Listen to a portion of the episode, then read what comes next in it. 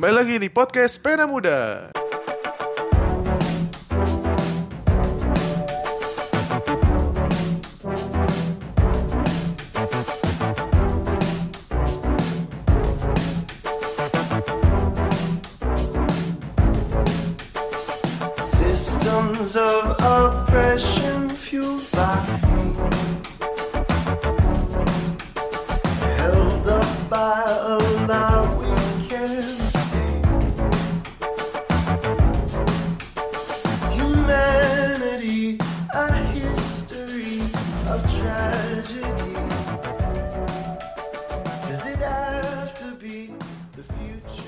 Oke, ya. Halo halo semua, kembali lagi di podcast Pena Muda. Setelah dua minggu tidak bertemu, semoga kalian semua masih dalam keadaan baik-baik saja meskipun di dalam kondisi pandemi seperti sekarang.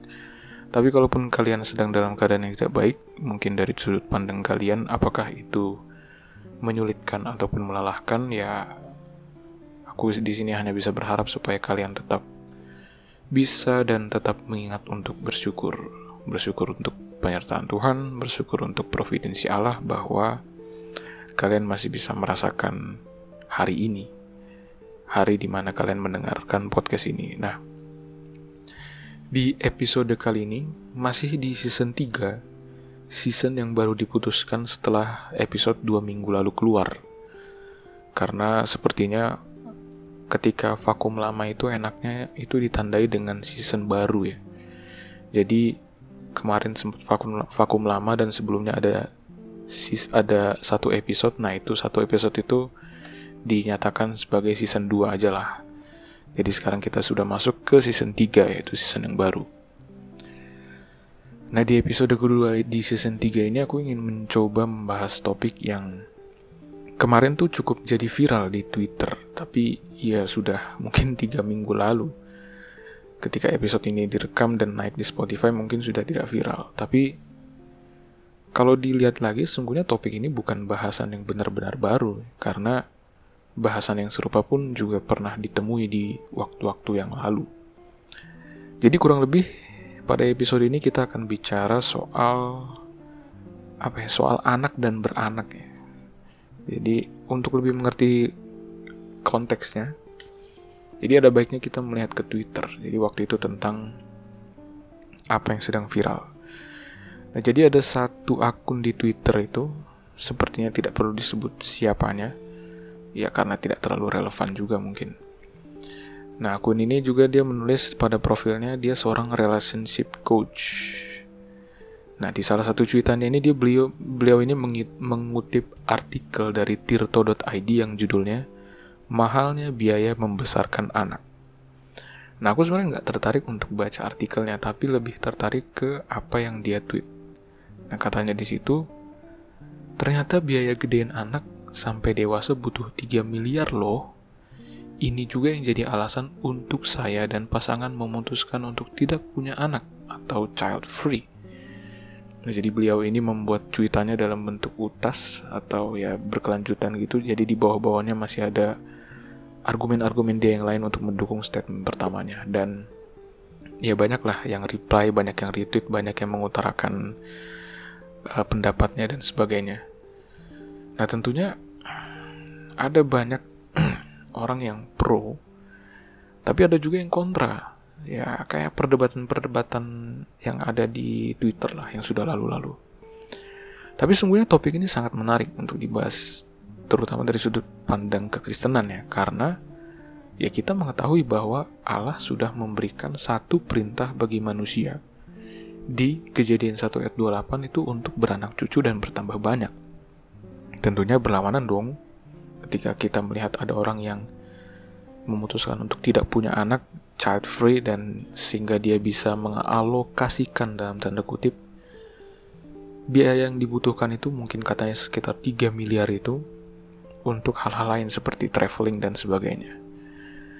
Nah, banyak orang yang menganggap bahwa pemikiran child free ini adalah satu pemikiran yang revolusioner dan patut untuk ditiru.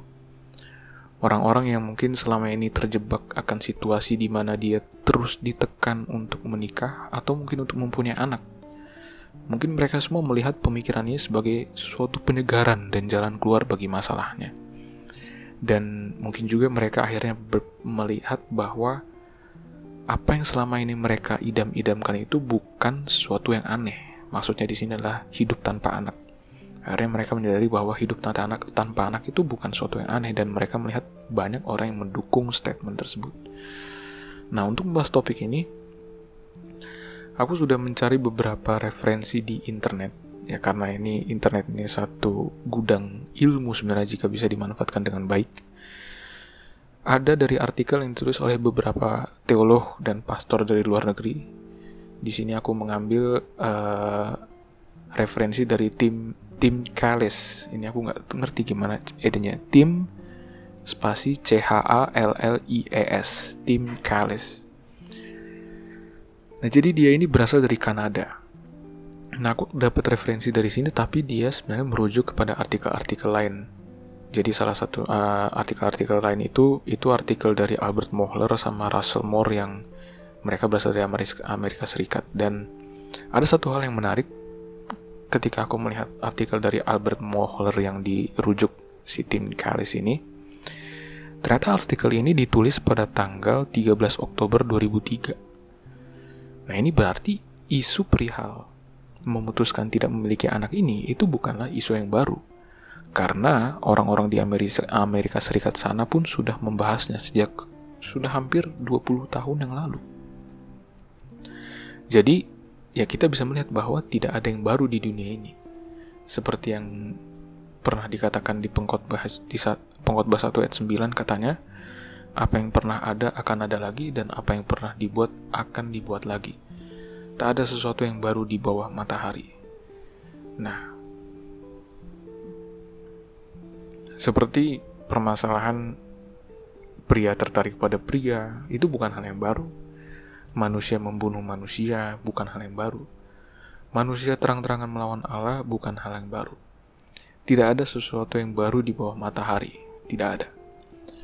Nah, tapi mungkin tanggapan Allah lah yang baru. Kalau dulu di Sodom dan Gomora itu langsung dihujani meteor, mungkin sekarang tidak. Karena mungkin ya memang Allah kan bukan bu, Allah tidak di bawah matahari. Ya dia dia ada di atas segalanya. Nah, kembali lagi ke bahasan. Jadi tim Karis ini memberi judul artikelnya Is it okay deliberately not to have children?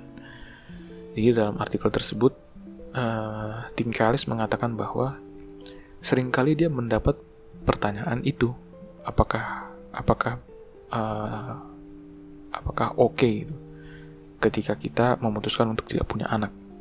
Dan tim Karis berkata katanya respon spontannya dia menjawab tidak. It's not okay. Tapi sayangnya dia tidak pernah memikirkan lebih jauh tentang jawabannya itu. Hingga akhirnya ada buku dari Christopher Ashe yang berjudul Married for God yang membantunya menjawab pertanyaan tersebut. Nah, tentunya dari artikel tersebut ya jawaban besarnya adalah sebagai orang Kristen kita tidak boleh memilih dengan sengaja untuk tidak punya anak.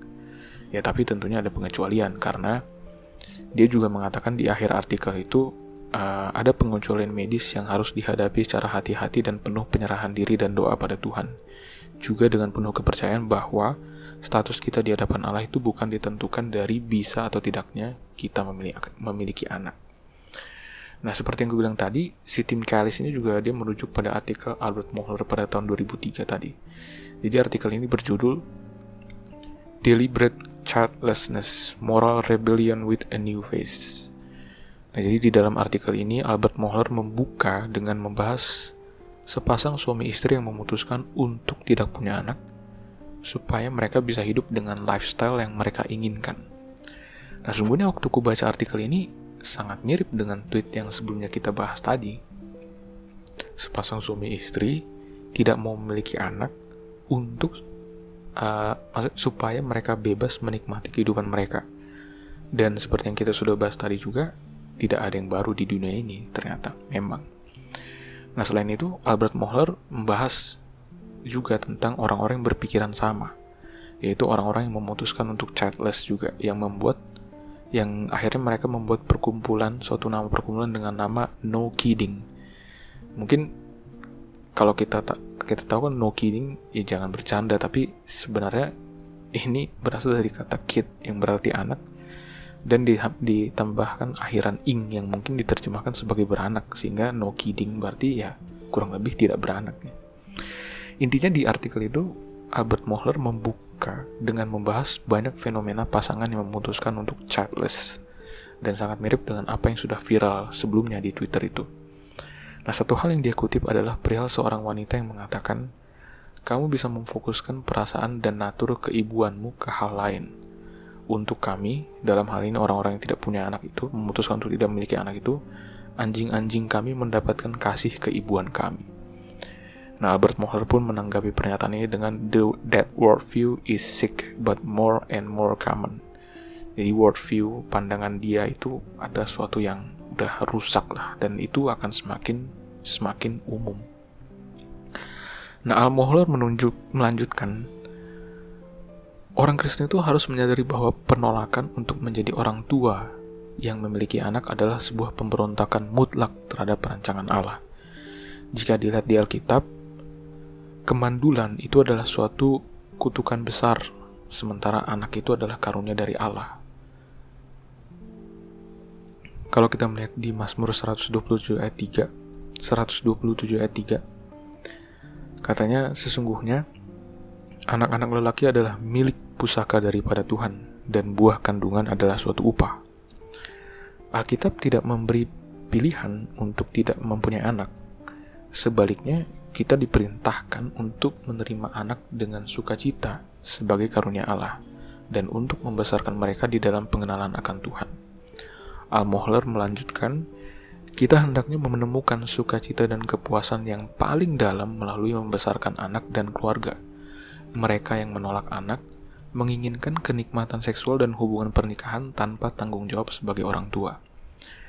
Sangat keras mungkin ya, tapi ya di akhir di akhir artikel Albert Mohler menegaskan bahwa gereja harus menolong orang Kristen untuk kembali sadar akan karunia keturunan Keinginan untuk tidak punya anak adalah suatu pemberontakan moral. Menginginkan hubungan seksual tanpa anak adalah sebuah penolakan terhadap sukacita dan kebahagiaan dari Allah dalam membesarkan anak-anak.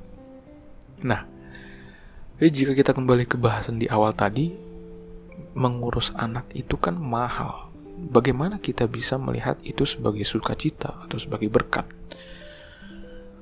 Nah, ya memang mahal tapi seharusnya pertanyaan seperti itu kan harusnya ditanyakan pada orang tua mereka masing-masing ya harusnya mereka nanya kenapa kamu mau membesarkan aku ya tapi ya itu bahasanya bisa panjang nanti ya tapi kalau aku baca dari artikel Tim Callis tadi dia itu mengatakan dengan mengutip si buku dari Christopher Ash juga anak memang adalah suatu berkat yang sangat mahal menuntut kita keluar dari zona nyaman kepada hidup dalam kasih karunia Allah. Jadi anak itu mempunyai anak itu adalah suatu momen di mana kita dituntut untuk keluar dari zona nyaman kita menuju kepada zona di mana kita hidup berdasarkan kasih karunia Allah.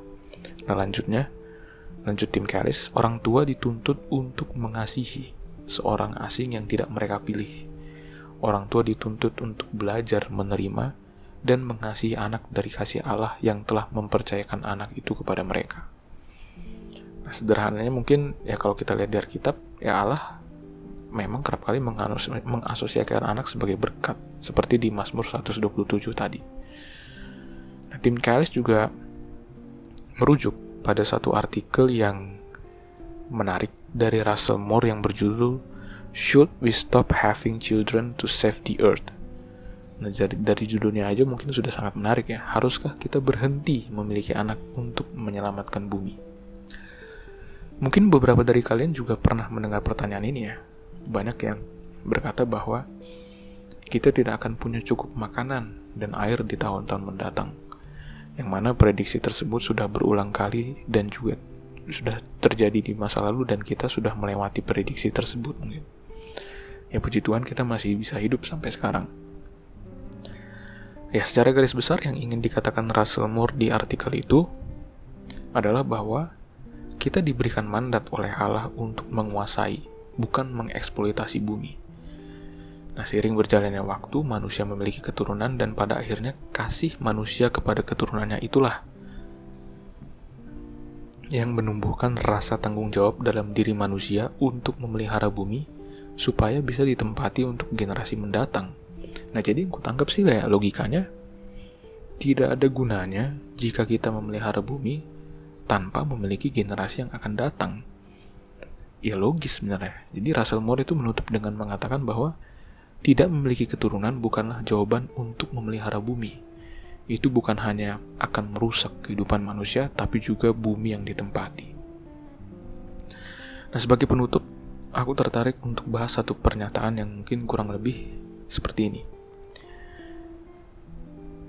Cara kamu mengasihi anakmu adalah dengan tidak memiliki anak, sehingga dia tidak perlu untuk hidup di dunia yang keras ini. Sungguhnya ini pernyataan yang agak agak bodoh dan mungkin muncul dari ya momen-momen sok-sok mikir lah di sore hari. Ditemani kopi gitu kan senja berpikir apakah hidup ini dan sebagainya lah. Atau bisa jadi sebenarnya mereka yang berkata seperti itu adalah mereka yang memang merasakan penderitaan itu. Mereka yang mengandai-andai duh seandainya saya tidak perlu dilahirkan. Karena mungkin mereka merasa persoalan hidup mereka sangat berat. Nah, melihat pernyataan ini aku mengingat ada pernah menonton satu presentasi dari pendeta Billy Graham. Ya, aku yakin kalian pernah dengar nama inilah karena dia salah satu pendeta yang dihormati baik oleh orang Kristen maupun non-Kristen di Amerika sana. Nah, presentasi Billy Graham ini bukan dihadirkan di gereja, melainkan di di TED ya kalian tahulah itu nama nama seminar yang biasa diadakan itu. Kalian bisa bisa cari di YouTube juga. Nah, beliau bilang ada tiga hal yang tidak akan pernah diselesaikan oleh manusia dan teknologi, yaitu kejahatan, penderitaan, dan kematian. Evil, evil, suffering, and death. Nah, menurutku, ya dunia ini adalah memang dunia yang problematik. Dunia ini akan terus dipenuhi masalah, baik itu dalam kehidupan pribadi maupun kehidupan manusia secara kelompok. Kalau dilihat di 2 Timotius 3 ayat 13, Rasul Paulus pernah mengatakan, Sedangkan orang jahat dan penipu akan bertambah jahat. Kalau di NIV dibilang, evil doers and impostors will go from and from bad to worse. Dan banyak lagi sebenarnya yang dikatakan di 2 Timotius 3 ini, di ayat-ayat sebelumnya itu akan dunia ini. Dibilang, Ketahuilah bahwa pada hari-hari terakhir akan datang masa yang sukar, manusia akan mencintai dirinya sendiri, menjadi hamba uang, akan membual, menyombongkan diri, menjadi pemfitnah, berontak terhadap orang tua, tidak tahu berterima kasih, tidak mempedulikan agama, tidak tahu mengasihi, tidak mau berdamai, suka menjelekkan orang, tidak dapat mengekang diri, garang, tidak suka yang baik, suka mengkhianat, tidak berpikir panjang, berlagak tahu, lebih menuruti hawa nafsu daripada menuruti Allah. Ya, itu semua digambarkan di 2 Timotius 3. Dan dari situ kita bisa melihat bahwa dunia ini adalah dunia yang problematik dan akan terus bertambah buruk. Tidak memiliki anak bukanlah solusi terhadap itu semua karena ada atau tidak ada anak dunia ini akan menjadi semakin buruk. Dan seperti yang dibahas sebelumnya, memiliki anak adalah rancangan dasar Allah dalam pernikahan sehingga itu yang harus menjadi rancangan dasar kita juga, pemahaman dasar kita juga. Yang jadi solusinya sebenarnya adalah dengan cara memiliki worldview yang benar. Kalau menurutku, ya ketika nanti kita punya anak, ya kita tanamkan worldview yang benar, cara pandang yang benar. Ya untuk bahas ini mungkin tentunya akan sangat panjang lah. Tapi yang bisa kukatakan adalah hidup di hidup di dunia ini menurutku bukanlah hidup yang untuk dinikmati, melainkan hidup untuk melayani. Bukan untuk supaya kita mencari kebahagiaan di dunia ini, tapi untuk kita melayani Tuhan di dunia ini. Jadi, kebahagiaan, menikmati hidup, traveling dan sebagainya itu bukan seharusnya bukan menjadi patokan utama kita, tapi sebagai seorang Kristen menurutku ya, hidup itu ya untuk melayani. Dan seorang Kristen itu harusnya terus punya perspektif yang memandang kepada kekekalan dan bukan tinggal di dalam kesementaraan hidup kita ini memang penuh dengan problem. Jika kita hanya melihat bahwa hidup kita hanya mulai dan berakhir di dunia ini, kalau kita hanya punya apa battery limit hidup kita itu di dunia ini ya, kita akan merasa hidup kita ini penuh dengan problem. Kalau diibaratkan perjalanan kita Jakarta-Bandung, hidup kita ini mungkin hanya sebuah rest area lah di, di kilometer 53. Kita berjalan itu kan bukan untuk menikmati rest area. Kita tidak mencari-cari kenikmatan atau pemenuhan di rest area. Tapi pemenuhan kita adalah di tujuan akhir kita. Tentunya dalam hidup ini tujuan akhir kita bukan di Bandung, melainkan pada kekekalan nanti. Oke, mungkin itu saja untuk episode kali ini. Semoga bisa bermakna dan bisa membuat kita semakin peka sebagai murid Kristus dalam melihat dan meresponi fenomena-fenomena yang terjadi di sekitar kita. Kembali lagi jika ada saran, kritik, pertanyaan, silakan kirimkan ke penamuda.id@yahoo.com atau ke Instagram penamuda yaitu @penamuda underscore idn. Mohon maaf jika tidak tidak uh, semua pertanyaan akan direspon dan semoga pertanyaan yang tidak direspon bisa direspon oleh penatua kalian masing-masing. Nah, akhir kata podcast Pena Muda pamit. Semoga kita bisa bertemu di minggu-minggu yang akan datang. Bye.